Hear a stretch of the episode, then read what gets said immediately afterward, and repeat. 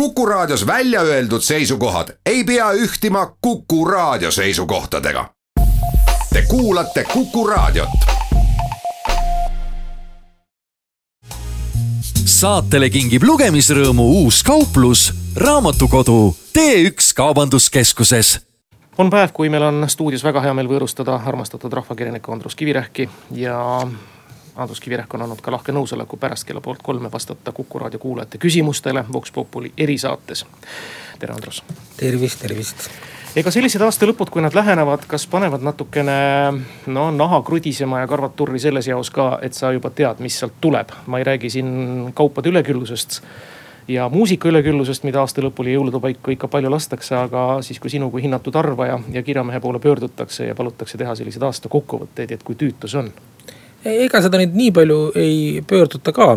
et eks mul on Päevalehes oma rubriik nagunii, eks ole, mida ma iga nädal kirjutan ja siis traditsiooniliselt on iga aasta lõpus saanud kirjutatud ka niisugused Ivan Orava lemmikud nii-öelda, selline rubriik siis, kus Ivan Orav valib välja mingi viis viis kodanikku, kes talle sellel lõppeval aastal on eriti rõõmu valmistanud, et see on selliseks traditsiooniks kujunenud juba aga üldiselt ma nii, nii palju nüüd ka arvamas ei käi, et, et see kuidagi naha märjaks võtaks.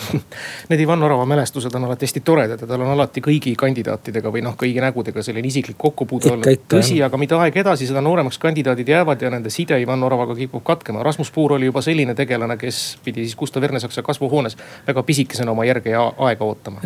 nojah, aga eks Orav on ju ikkagi nii, nii pikalt elanud, et, et kui ta ei tunne seda kandidaati ennast või seda laureaati ennast, et siis ta tunneb tema vanemaid ja võib-olla vanavana. isa või vana-vanaema on tema pruut olnud näiteks, et mingi side on tal ikka, et eestlased on ju kõik peaaegu omavahel sugulased ja tuttavad, nii et mm -hmm. jah ta isegi teab Lotte vanaisa vist oli Kutsu Juku, kes oli ta pinginaaber. jah, no ta tunneb äh, kõiki inimesi põhimõtteliselt Eestis, seda võib küll öelda jah. aga no arvamiste koha pealt äh, on tunda olnud, et sinu või siis Ivan Orava arvamised selle koha pealt, mis puudutab nüüd olevikku või nii-öelda üles tõusnud hirmupilvi või maalitud suurelt või üles puhutud, ütleme niisiis hirmupilvi. Need on kuidagi ka haaranud äh, sinu kirjutisi laupäevases lehes. noh eks ma ju üritan ikkagi olla päevakajaline ja väga imelik on, kui kõik rahvas räägib ühest teemast, siis mina hakkan rääkima mingist aiaaugust või, või mingist enda, enda sellisest eh, painajast, aga, aga eks ma ikka jah, pean rääkima sellest, millest, millest mehed sauna, saunalaval kõnelevad. ehkki see on tüütu, sellepärast et tõesti need teemad on eh, noh, nad tegelikult, kui nüüd tõsiselt järgi hakata mõtlema, ei ole väga olulised inimestele, et eh, ma just lugesin siis, kui see kõige hullem, hullem aeg siin oli, kus kõik inimesed muust ei rääkinud kui rändeleppest ja. ja, ja EKRE miitingus siis juhtusin lugema, vist Postimehe veebis oli mingi ühe proua kirjatöö luge-, lugejakiri nii-öelda, kus ta, kus ta siis just õigustas nagu noh, seda EKRE miitingut, ütles, et tema on ka EKRE toetaja väga solvunud selle peale, kui öeldakse, et EKRE-t toetavad harimata inimesed, et tema on kõrgharidusega ja, ja siis ta. tegelikult väga, väga asjalik kiri oli, kus ta tõi välja väga palju murekohti, mis Eesti riigis tõesti on, et palgad on väikesed ja hinnad on suured ja maksud äh, ajavad hindu veel rohkem üles ja ja, ja kui see kiri oleks nagu sealmaal ära lõppenud, siis oleks olnud äärmiselt õige kõik, et, et, et ongi valitsevatel erakondadel on väga palju puudusi ja, ja on palju asju, mis tuleks paremini teha, aga, aga paraku noh, see proua tegi, jõudis nagu järeldusele, et ainukene väljapääs, ainukene meie lootus ongi EKRE. Eh, kuna nad lõpetaksid homopropaganda ja paneksid piirid kinni. et noh, need ei ole nüüd need asjad, mis kuidagi lahendaks inimeste väiksete palkade ja suurte hindade ja, ja maksude probleeme, et, et, et ma selles mõttes ma näiteks Prantsusmaal kollavistidest saan palju rohkem aru, et nemad ajavad taga nagu tõesti mingit noh, sellist materiaalset ja majanduslikku hüve aga, aga Eestis paraku jah, et, et inimestel on suured mured. aga neid suuri muresid varjutavad täiesti noh, tühised ja ülespuhutud probleemid jah, Tiina Kaukvere kirjutas oktoobri lõpus palju vastagu ja tekitanud artikli ka selle koha pealt ja siin ta muidugi hurjutas no iseennast natukene kaude ja, ja kogu ajakirjandust, kus ta ütleb, et ajakirjandus peaks olema peegelpilt elust. aga millegipärast on minu argielu sellest üha kaugem, sellel ei ole midagi pistmist ei homode, surrogaatemade, sõduriteta riigipiiri või kultuurautonoomiaga, mida venelased ise küsinud ei ole.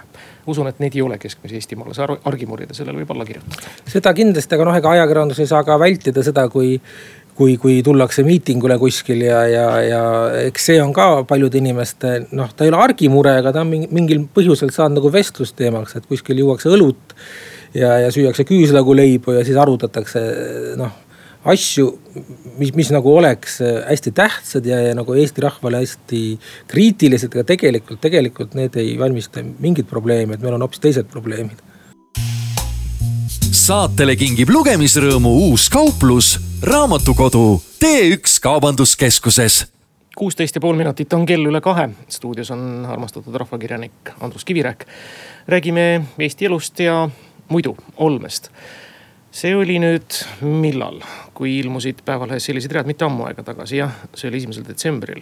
tähendab, Eesti Vabariigis on paiku, kuhu on targem mitte minna ja inimesi, kellest on mõistlikum eemale hoida ja need inimesed nimetavad ennast rahvuslasteks, nukker see lugu, kus sa pidid äärepealt ketuka peale saama pallipaarist möödudes. noh jah, vast nii äh, hulluks asi siiski ei läinud, aga, aga noh, selles mõttes äh, riielda sain küll jah mm aga selles mõttes on tõsi taga, et seda ütles ka muide Indrek Tarand pärast toda intsidenti. no selge see, et äh, sellest saavad kõik aru, et ta loomulikult läks sinna tähelepanu ja provokatsiooni otsima mm. -hmm. ja lõppes asi nagu lõppes füüsilise intsidendiga. aga laiemalt võttes tõesti neid paiku, kui sa näed nagu ringina kogunemas väga kurjasid plakateid ja inimesi ja siis juba tahaks nagu eos eemale minna, andmata endale aru, et see on meie kõigi plats ja kirikuesine on kõigile mõeldud, sa võid teha Nevski katedraalis pilti ja kirjustele raha anda no põhimõtteliselt eh, küll, ehkki noh, loomulikult on mingid sellised eh, sektide kogunemised, et ega noh, näiteks ei ole ju mõtet minna kuskile katedraali jumalateenistusele, kui sul endal nagu selle kõigega mingit pistmist ei ole, et lihtsalt pildistama palvetajaid, et, et noh, eks nad ajavad mingit oma asja ja. ja seetõttu noh, tõesti võib-olla ei ole, ei ole vaja minna surkima, noh Indreku puhul oli teine asi, tema tahtis sõna võtta. et see, see on midagi muud, kui lihtsalt turistina seal vahel ringi, ringi hiilida ja, ja neid inimesi vaadata. et eh, see on kurb jah, mis toimub, et, eh, vanad eh, head sõbrad-tuttavad kipuvad tühjade asjade pärast tülli minema ja need, kes vanasti rahumeeliseid koos õlut joodud, et nüüd lähevad nugade peale ja, ja, ja täiesti tühist, tühiste asjade pärast tõesti, et. asjade pärast, mis nende igapäevaelu ju absoluutselt ei mõjuta mm kas sa oled teinekord lugenud ka kommentaare, kui mõni selline EKRE, EKRE pirakas on jälle lehte saanud või, või on sul nagu huvitav portreteerida kõike seda, mida sa loed? ma ikka loen jah, aeg-ajalt, et just nimelt on huvitav ja, ja noh, tegelikult mina küll kardan või arvan, et. et ega need kommentaarid, mis sinna tulevad, ei, ei pärine kõik nüüd igaüks ise arvutist, et seal ikka on mingid inimesed, kes töötavad usinalt ja kirjutavad, ma usun päevas võib-olla kakskümmend, kolmkümmend kommentaari ma, ma ei tea siis, mis põhjusel, et kas keegi maksab neile või on neil endal nagu selline eneseväljendamiskirg nii suur, nii et, et see pilt vast nüüd nii trööstitu tegelikult ei ole, et neid inimesi on sadu. kes, kes tahavad, tahavad halvasti öelda, et neid on ikkagi suhteliselt, suhteliselt väike kildkond, ma loodan. aga noh, eks inimestele võib ju anda selle ventiili, et las nad siis avaldavad oma arvamust, et niikaua kui nad tõesti füüsiliseks ei lähe, et siis noh, mis seal ikka siis seal ega sa ei ole ju saladust sellest teinud, et eh, sa oled aastaid olnud sotside valija üleriigilisel tasandil ja kohalikel valimistel toetanud nii-öelda kohalikku initsiatiivi ja, ja kogukondi. ja mingi aeg tagasi, kui mul meenub õigesti, sa kusagil ohkasid ja ütlesid, et tõtt-öelda nüüd tekib juba üleriigilistel valimistel raskusi. et sotsiaaldemokraadid on nii oma näo ära kaotanud, et eh, keeruline kohe. nojah, aga eks siin on ikkagi see, et tuleb välistada need, kelle poolt nagu üldse valida ei taha, et no mina tegelikult algselt olen olnud üldse Isamaa Äh, valija Mart Laari aegadel isegi kandideerinud Isamaa nimekirjas kunagi kohalikel valimistel. kui ma alles olin ülikooli lõpetanud, et, siis just Isamaa kehastas minu jaoks sellist noh, tohutut uuenduslikkust ja mingit punkarlikku liberaalsust ja et kus taheti kõik ümber teha ja, ja ja vastupidi, mitte mingil juhul ei oldud selline tagurlik ja kes, kes hoiab, hoiab nagu, püüab jalga ette panna, kui, kui mingi asi edeneda soovib, nii et noh, sellest Isamaast kahjuks ei ole küll mitte midagi järgi jäänud, et vot sellist erakonda ma tegelikult äh, väga igatseks ja selle poolt ma hea meelega häälest, hääletaks, kellel oleks sellised tõesti nagu võimsad tulevikuplaanid ja, ja julgus neid teostada, hoolimata sellest, et see võib ära süüa nende reitingu, nagu Isamaa ja Mart Laariga ka juhtus, eks ole, et ega nad ju kaua vastu ei pidanud, aga no vähemalt nad pöörasid Eesti pahupidi ja, ja panid aluse kõigele sellele, mis meil, mis meil praegu on. nii et noh, selles mõttes Isamaast on mul võib-olla kõige rohkem kahju, et temast on saanud see, mis ta nüüd, mis ta nüüd on, eks ole, selline. noh, selline suhteliselt, suhteliselt stagneeruv organisatsioon. Kuidas Eesti kakssada selle väljaöeldu valguses tundub? no väga raske on midagi öelda et peab ju nägema tegelikult inimesi nagu tegutsemas või, või, või, või võimul, eks ole, ja mul isiklikult puudub ka ei ole nagu minu tutvusringkond need otseselt, kes Eesti kahesaja eesotsas on, et iseenesest on mulle muidugi see väga sümpaatne, kui inimesed väljapoolt poliitikut, nii-öelda spetsialistid tulevad ja tahavad Eestit paremaks teha. sest et ega see on selline mugavustsoonist välja ronimine, poliitikasse minek ja kandideerimine, et mina ise seda kindlasti noh, noh, ma ei saaks ka ajakirjanikuna, eks ole, siis ma ei tohiks kirjutada enam, aga, aga põhimõtteliselt ma ka ei, ei kibeleks sinna.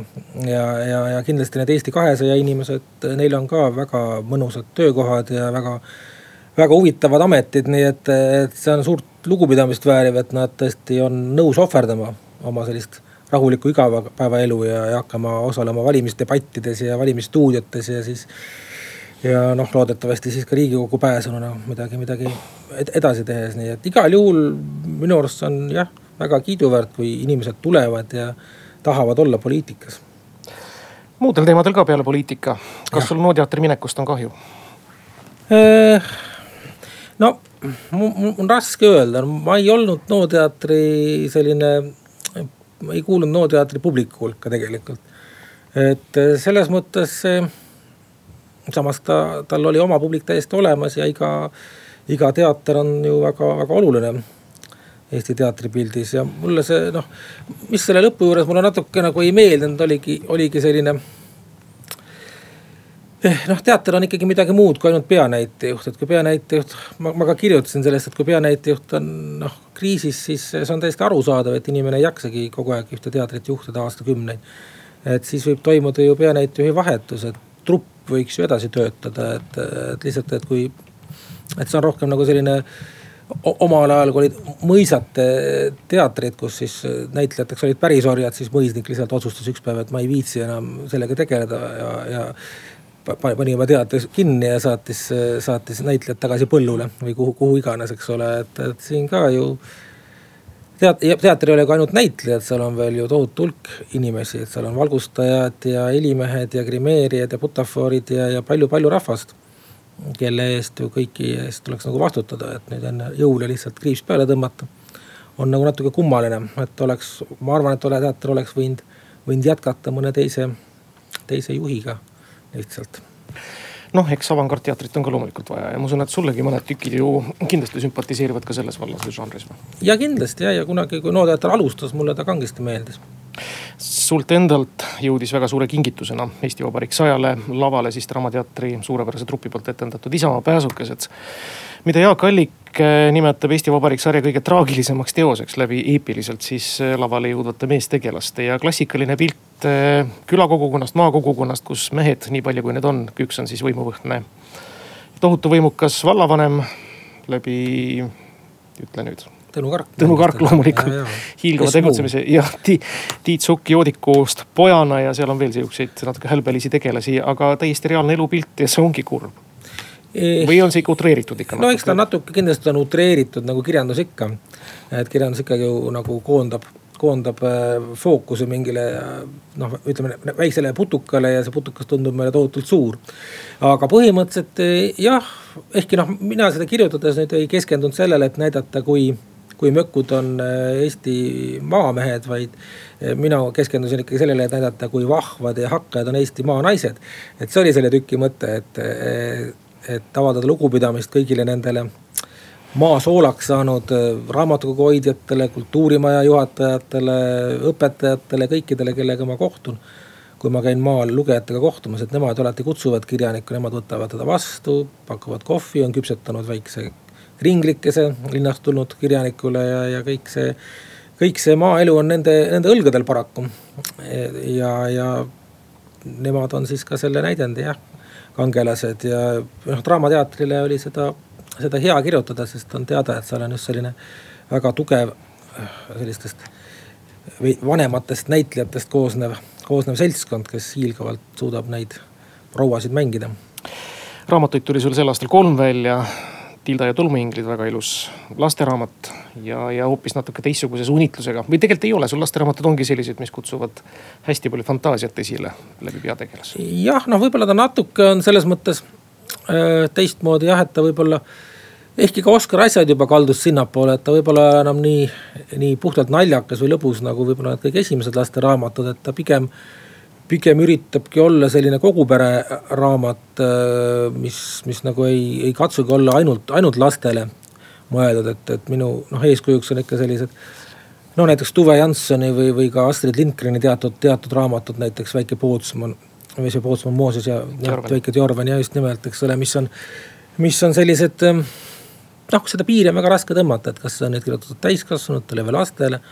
ja see Tilda on minu arvates ka just selline kel, kust, kust nagu kõik võiksid midagi leida, et kindlasti, kui see kodus on olemas, siis siis ei maksa, maksa oodata, kuni nüüd laps selle läbi loeb esimesena, vaid emad-isad, vanemad, vanaisad võivad kohe näpud ligi ajada ja ise, ise hoopis lugeda.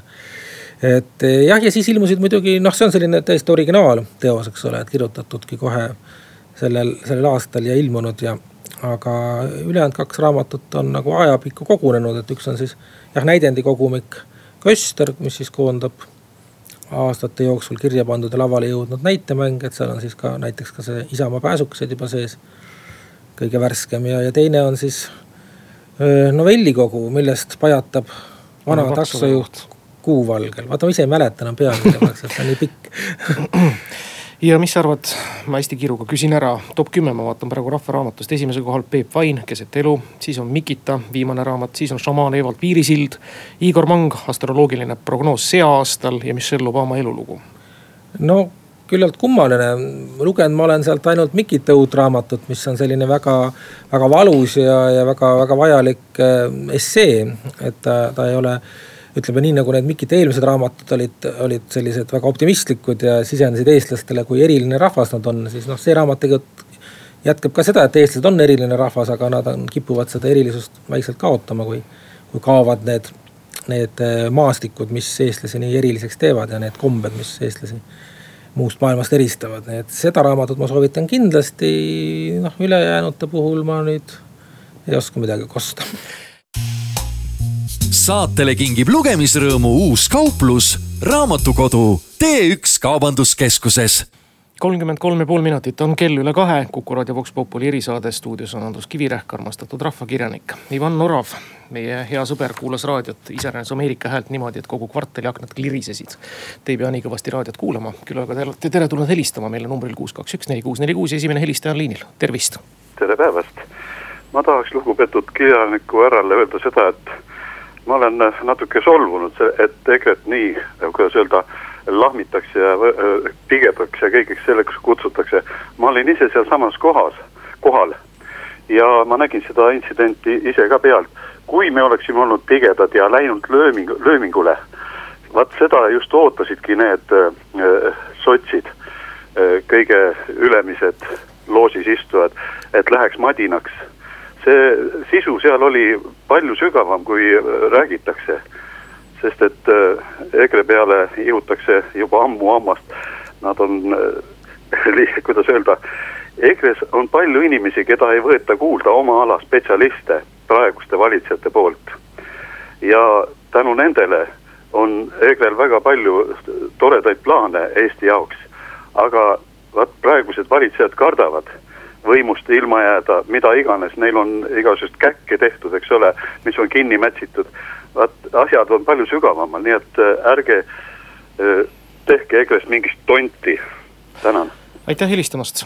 Mm, jah, ei, mis ma oskan kommenteerida, et äh, väga huvitav oleks kuulata neid EKRE, EKRE plaane näiteks Eesti majandushariduse vallas, et kahjuks lihtsalt alati kui EKRE juhtpoliitikud kõnelema hakkavad, siis äh, see teema kaldub alati nagu ühte serva ja, ja, ja on nagu selline natuke maniakaalselt ühes, ühes, ühes nurgas kinni. et võib-olla rääkige, rääkidagi vähem siis pagulastest ja, ja, ja homodest ja, ja rääkidagi hoopis nendest teemadest, mis nagu tõesti Eesti elu paremaks võiksid teha. ja järgmine helistaja loodetavasti küsimusega on meil nüüd telefonil, tervist. tervist selline küsimus, et kui Ivan Orav oleks nüüd pühapäeval sattunud Vabaduse platsile. ja noh, temaga oleks käitutud täpselt samamoodi nagu Mats Õunaga käituti, kes ei kuul-, ole kuidagi EKRE-ga seotud ega noh, kes on, ma arvan, julgelt võib öelda lihtsalt selline tavaline Euroopa intelligent. ja noh, kui Ivan Oravat oleks mingi saksa ekstremist niimoodi lapsevankiga ramminud ja fašistiks ilmunud, kuidas oleks Ivan Orav käitunud? Ivan Orav oli seal lähedal, ta on maetud Vabadusristi alla. nojah, ega ma ei teagi täpselt, mis Mats Õunaga, kes on mu hea tuttav, mis temaga siis seal tehti nii väga, aga teda rammiti lapsevankriga, see on küll kole et ja, et mitte, mitte mingisuguse mootorratta või autoga veel, et lapsevanker on üsna, üsna õrn asi. seal oli laps sees lihtsalt. no laps on sees, see on, see teeb selle veelgi armsamaks, selle lapsevankri, kui seal laps sees on. noh, kuidas orav oleks käitunud, kui talle lapsevanker oleks otsa sõitnud no vaevalt, et ta nüüd kurjaks oleks läinud selle, selle peale, et ikkagi kui mõni mõni, mõni, mõni laps talle ligiduse satub, eks siis orav teeks talle pai ja pluti-pluti, nii nagu Karlsson tegi, kui ta nägi väikest beebit. järgmine helistaja, tervist. tervist, jõudu. suhtumine sellisesse, kui ERMis sai jalamatsuga jumala ema killustada. olete te kui sellist nähtust hukka mõistnud? Eesti Rahva Muuseum ja see. ja mm, -hmm. ma, ma mäletan jah. jah, no vaat ma ise olen ERM-is mitu korda käinud, aga siis, kui mina sinna esimest korda läksin, siis oli see eksponaat juba, juba kõrvaldatud. et eh, jah, mis ma oskan öelda, et eh, võib-olla see tõesti kõige, kõige parem mõte ei olnud, et nüüd et sa muuseumis võid mingi asja, noh, ehkki küll ainult virtuaalselt puruks lüüa, et, et muuseum on ikka nagu vaatamiseks ja võib-olla katsumiseks, et. et seda, ma saan aru, et see tahtis nagu esindada seda pildirüüste aega, kus siis tõesti lõhuti kirikute sisemusi, aga, aga jah, võib-olla ise seda proovima ei pea, aga noh, eks see on ammu ju kõrvaldatud ka see eksponaat sealt, nii et nii palju vett on merre voolanud ja kõik on, kõik on muutunud vahepeal. ERM-i kõrval on pandud tagurpidi maja hoopis vahepeal, et soovitan seda vaatama minna. eksponaatist on alles, aga seda enam purustada ei saa. seda purustada ei saa, et ja. on lihtsalt, lihtsalt jah, selline jah. järgmine helistaja, tervist. tere mul on niisugune küsimus, et mis te arvate filmist November, et iseenesest e-, terve Eesti rahvas vist on ju läbi lugenud raamatu Rehepapp, et ma ei tea, minule ta küll erilist muljet ei jätnud, et aitäh. no minule, minule film väga meeldis et eh, juba, juba lihtsalt niimoodi kõrvalseisjana, kui ma, kui ma ei oleks ka ise nagu seotud selle raamatuga algteosena, siis lihtsalt mulle see Rainer Sarneti film Eh, kinematograafiliselt väga meeldis, see operaatortöö oli ju super Mart Danielil ja näitlejad mängisid hästi ja, ja minu arust eh, ka raamatu autorina pean ma ütlema, et, et mulle nagu see lähenemisviis väga meeldis, mis, mis Sarnetil oli, et mind oleks just võib-olla natuke seganud, kui sellest oleks üritatud teha sellist noh, rahvakomöödiat, mis, mis on ka seal raamatus ju sees muidugi, aga aga, aga mis on nagu ikkagi nagu sihuke garniir, et selle raamatu sisu või selgroog on ju ikkagi selline armastuskolmnurk põhimõtteliselt ja, ja selline selline Eesti rahva teatud mõttes ikkagi traagika, see, kus sa peadki elama kogu oma elu kuskil sellises mustuses ja sopas ja, ja ilma eriliste kõrgemate püüdluste väljavaadeteta, et pealegi raamatus see, kui sa kirjutad, et, et, et oli mudane, siis see kõlab ühtemoodi, aga kui sa filmis näed, et on mudane, siis no vaat siis tõesti on mudane, nii et. et see film mõjubki selles mõttes võib-olla veidi tõsisema ja traagilisemana kui raamat, aga, aga mulle, mulle ta väga meeldis, mis noh, maitse üle muidugi jällegi jäi vaielda. ja järgmine helistaja on meil telefonil, tervist. tere et ähm, räägitakse palju äh, sellest, et kas vanaks saadakse või vanaks jäädakse. või no mis räägitakse, tähendab, on selline mm, noh, niisugune kõnekäänd, et vanaks tuleb saada ja ei tohi jääda ja nii edasi. kuulge, te nagu enne mainisite, et äh, justkui nagu Isamaaga oli teil mingisugune hingeside, et ma küsiks ka, et kas sotsiks saadakse või sotsiks jäädakse mm,? ma arvan, et äh, sots, jah, ma pole, ma pole sotsiks saanud ega jäänud, et ma olen neid aeg-ajalt valinud. aga, aga see on täpselt samamoodi nagu, nagu sa valid eh, näiteks Kalevi kommipoes erinevate kompvekite vahel, et lihtsalt mingi kompvek sulle mingil hetkel väga maitseb. siis seda sa võtad, aga, aga mingi hetk võib-olla mõni teine kompvek hakkab tunduma atraktiivsem ja üldse pole välistatud, et sa siis muudad oma marki. nii et ega mina ei, olen nüüd jah, küll viimastel valimistel valinud sotse, kohalikel valimistel olen valinud ka just nimelt eh, selliseid äh, valimisliite, kohalikke valimisliite, aga, aga üldse ei ole välistatud, et ma võin hakata valima mõnda, mõnda teist erakonda kunagi, nii et äh, jah, et jah, nii ongi. ja taas on helistaja liinil, tervist. Äh, tere päevast, minul üks selline veidi üldisem küsimus, mitte mingi konkreetse loo kohta. et kui ma teie suusid loen, siis mulle tundub vägisi, et te vist peate ennast siiski pigem konservatiiviks, vaatamata sellele, et te olete tihtipeale väga irooniline ja, ja nii edasi, aga, aga igalt poolt õhkub läbi midagi sellist, et, et noh, mis viitab teie sellisele nagu siiski konservatiivsele no ma ei tea, kas seda öelda kallakule või meelelaadile või, või midagi sellist, seda on nii sellest mehest, kes Ussi sõnu teadis ja loomulikult Ivan Oravas ja, ja mitmes, mitmel pool mujal. et kas te kommenteeriksite seda asja sellisel moel? nojah, eks see on selline mõisteline asi, et mis see konservatiiv täpselt on. aga, aga, aga noh ma ei julge öelda, kas ma pean end konservatiiviks, kindlasti ma pean end rahvuslaseks, et seda ma võin küll, küll öelda, et mulle Eesti rahva saatus läheb väga korda. Ja, ja seoses sellega ma pean ennast ka liberaaliks, sest, sest ma tahakski, et Eesti, Eesti rahvast, iga, iga Eesti rahva liige võiks tunda end võimalikult mõnusalt, sealhulgas ka näiteks seksuaalvähemused, kes iganes. ja ka Eestisse sisse, sisse rännanud inimesed, kes siin tahavad olla ja, ja, ja kohalike, kohalike kohalikega nagu, kohaliku eluga suhestuda, et, et, et kõigil oleks siin Eestis mõnus ja et Eesti riik ise oleks hästi mõnus, et minu arust need asjad nagu on omavahel väga seotud, et, et ei saa olla rahvuslane, kui sa tahad, et osal Eesti rahvast või osal Eestis elavatest inimestest läheb halvasti, et see minu jaoks on nagu nonsense, et. et minu jaoks need on jah, üks ja sama põhimõtteliselt, liberaalsus ja rahvuslus. ja taas on helistaja liinil, tervist. no tervist ma tahaks nüüd kirjaniku härra käest küsida üks asja. vaadake, Ivan Orav läheb ju nüüd Riigikokku. kas ta Nii. läheb? noh, no selge siht on silma ees tal paistab. aa, te mõtlete, mõtlete, te mõtlete nüüd Andrus Vaarikut, ma arvan, nojah. no vot, nojah, nojah, ma räägingi, no see jutumärkides mm, Ivan Orav okay, Andrus Vaarik okay.. et nii, et mis siis nii tegema hakkate? Ta ju avalikustab kõik nende Ligide ja Helmete, kõik isade, vanaisade ja nende kõik need teod, mis ta on teinud ja siis on ju. ma, ma arvan nii, et siis on ju seda kirjandust teilt tulevaks nagu Vendrast saelaudu siis. nii et mis te arvate? No ma arvan muidugi, et eks Andrus Vaarik on Andrus Vaarik, Ivan Orav on Ivan Orav ja Andrus tõesti kandideerib. Eh, aga ta on ka minu arust öelnud üsna otseselt välja, et ega ta väga ei kibele sinna riigikokku. et ta lihtsalt tahab avaldada oma sümpaatiat sotsidele ja aidata neil, neil hääli koguda, nii et.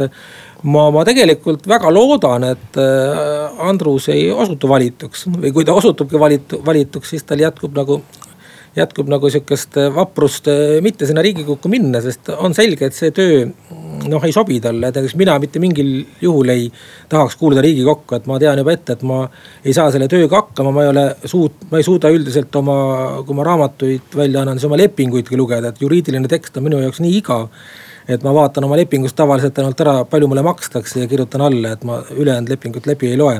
aga riigikogus tuleks töötada ju paberitega päevad läbi ja üldiselt eh, ei ole nagu näiteid eh, eriti häid, kus selline särav loomeinimene läheb riigikokku ja siis lööb seal läbi, et tavaliselt nad kas tulevad hästi ruttu ära või siis noh, tiksuvad eh, mingist viisakusest lõpuni ja.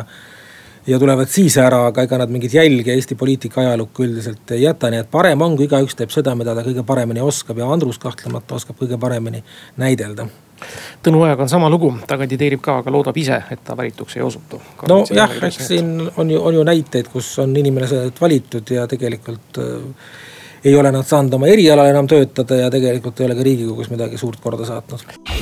Te kuulate saadet nelikümmend kaheksa ja pool minutit on kell üle kahe, stuudios on Andrus Kivirähk, armastatud rahvakirjanik ja telefon stuudios kuus, kaks, üks, neli, kuus, neli, kuus ootab küsimusi. ja on ka helisenud juba, tervist tere äh, ma oleks äh, palunud äh, reporterit, ma ei sooviks härra Kivirähkiga rääkida, mul on teine probleem. võib-olla räägime sellest natukene hiljem, praegu anname võimaluse ikkagi külalisele küsimustega vastata. saate hiljem helistada, leiate Kuku raadio kodulehelt reporteri numbri. kuus, kaks, üks, neli, kuus, neli, kuus on nüüd taas võtnud ühe helistaja liinile, tervist. tervist, kuidas te suhtute propagandasse? Vaata üks asi ja ma ütlen, et te saate selgeks. näiteks äh, mina ei ole vaadanud seda filmi Seltsimees laps ja ma olen noortega rääkinud ja noored ütlevad, issand, missugune õudne elu teil oli nõukaajal sinna paneks, sinna filmile paneks äh, kommentaari juurde et, et üks protsent elas selliseid inimesi. aitäh jah, no nõukaaeg on hästi lai mõiste, et kindlasti need inimesed, kes elasid näiteks neljakümne üheksanda aasta küüditamise ajal eh, elasid ühesugust elu ja näiteks mina, kes ma elasin ka nõukogude ajal, kaheksakümnendatel aastatel Brežnevi ajal, et minu elu oli sootuks teistsugune, et. et neid kuidagi võrrelda ei saa ja seltsimees laps eh, jah, kõnelebki sellistest kõige traagilist, traagilisematest hetkedest eh, mis ju, mis ju tegelikult ikkagi olid, et kas seda nüüd propagandaks nimetada, et ma arvan, et see on küllaltki tõetruu, tõetruu pilt tollasest, tollasest ajast, aga. Aga kuidas ma propagandasse suhtun, noh, eks propagandat on poliitikas alati tehtud ja tehakse veel ja, ja küllap me seda propagandat hakkame nüüd jaanuaris-veebruaris enne riigikogu valimisi kõvasti nägema Eestis, et sellest ei tohi lasta end ära ehmatada ja tuleb nagu säilitada sihuke selge pilk ja, ja mitte nüüd nii väga propagandat kuulata või valimislubadusi, vaid lihtsalt me kõik oleme ju täiskasvanud inimesed, elanud tükk aega ja mäletame, mida need inimesed kõik, kes kandideerivad varem on teinud ja varem rääkinud, nii et lähtuda lihtsalt sellest. Kuus, kaks, üks, neli, kuus, neli, kuus, stuudiotelefon on taas Elis Õnnat, tervist. tere, sotside esindaja on öelnud, et rahvusriik on ohtlik düstoopia ja sotsid on teinud ka teisi rahvusriigile äh, negatiivseid avaldusi. Ja kui teie avaldate toetust Mikita nägemusele, et siis mis põhjusel te ikkagi te sotse toetate ja kas teile makstakse selle eest, et te teete propagandat sotsidele, ma arvan, et väga võimalik, et ka Valdur Mikita toetab sotse. et ma küll ei tea, et mõni sots oleks, no võib-olla mõni sots tõesti on, on, on kuskil kirjutanud sellist, ega ma täpselt ka ei tea, et see kindlasti ei ole nüüd äh, sotside ametlik seisukoht ja ja ma arvan vastupidi, et, et kõik sotsid, sotside juhtkond vähemalt üritab teha kõik selleks, et siin rahvusriigis just nimelt eh,. nagu sotside ideoloogia ka, ka, mida see ideoloogia tähendab, et, et just nimelt vaesematel inimestel oleks suhteliselt lihtsam elada, eks ole, et nad pigem ju esindavad ikkagi mitte nüüd selliste kapitalistide nii-öelda, vaid, vaid töötajate huve, nii et ma ei näe küll kuskil mingit vastuolu sotside ja rahvusriigi vahel, et need on väga-väga sobivad kokku. järgmine helistaja, tervist. tervist, härra Kiirek. kuulates teid täna, siis äh, ma olen jah veendunud, et te oletegi vist sündinud sots. Miks ma seda nii ütlen? miks te ajate sellist äh, noh udu, et äh, te olete nagu kõige selle poolt, et kes tahavad siia tulla, neil oleks hea ja nii edasi kas teie nagu haritud ja erudeeritud, palju lugenud inimene ei saa aru, et need tulijad on väga eriliseks muutunud, mis, mis kunagi oli. et äh, nendega kaasneb ka väga palju probleeme.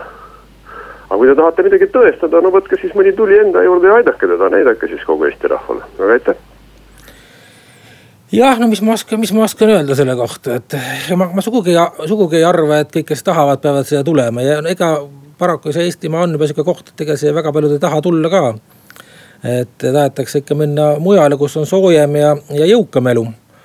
aga mida ma küll arvan, et kui inimene tõesti eh, tahab siia tulla selles mõttes, et ta on nõus Eesti ühiskonda sulanduma ja Eestis töötama ja Eestis makse maksma.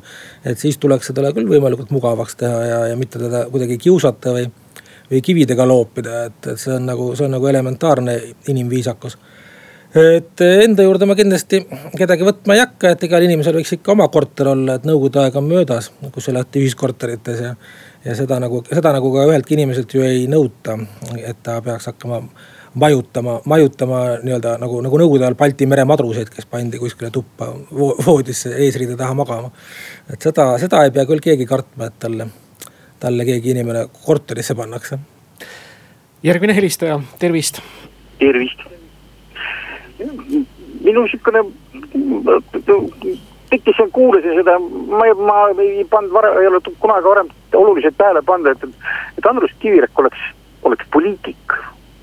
Ja, ja mul tekkis kohe küsimus, et, et Ivan Orava raamat oli jumalast hea raamat. Äh, ja kui ta räägib, Ivan Orava räägib tibladest, siis, siis, siis minule, siis tänapäeva tiblad on tegelikult siuksed karassussad, nagu öeldakse, ühesõnaga need on siuksed äh, pead on mustad otsas ja vuntsid on ja habetunud ja hästi habetunud ja, ja üldse siuksed nii edasi. aga mul lihtsalt on küsimus, et Andrus, miks te tegelete poliitikaga? Te olete hea kirjanik ja see ja, ja nüüd ma hakkan aru saama, mispärast, mispärast te, te kirjatükid mind enam ei köida. Te olete sotsiks hakanud. see on paha minu meelest, aga see on muidugi teie valik. aga nii nagu siis eelkõneleja küsis, et täna käib, kui te, teile meeldib niisugune need tulnukad või, või kuidas neid nimetatakse, migrandid, siis te kindlasti võiksite ju neid enda juurde võtta kah, tõesti jah, huvitav, et see äh, sots on saanud sihukeseks sõimusõnaks, et ma saan aru, et meile helistavad ilmselt, ilmselt siis sellised äh, väga rikkad äh,, väga rikkad inimesed, kelle jaoks tõesti sots on, sots ei ole nagu meeldiv, meeldiv asi, kes tahaks toetada mingit sellist sellist äh, suurettevõtjate või suurkapitalistide erakonda.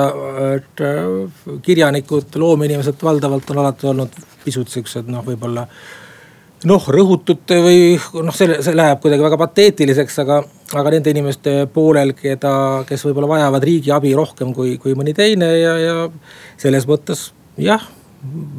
ei, ei või salata, et, et sotside ideoloogia on mitmes mõttes mulle, mulle nagu südamelähedane. kindlasti ma ei ole poliitik, nagu ma ka ütlesin, et ma kindlasti ei kavatse kandideerida mitte iialgi minna riigikokku, aga aga valijana pean ma ju ometi teadma, kelle poolt oma hääl anda ja, ja selles mõttes ma arvan, et iga Eesti Vabariigi kodanik võiks olla natukene poliitikaga kursis. ja võtame viimase helistaja tänases saates vastu, tervist. tervist, te ütlete, et sotsid on äh, nagu lihtne töörahva poolt, aga just Eiki Nestor oli ju seal eesotsas, kes tegi, et kellel on väiksem palk, peab kolm aastat nagu teenima, kellel on suurem palk siis nagu ühe aasta, eks ole, nagu tehti.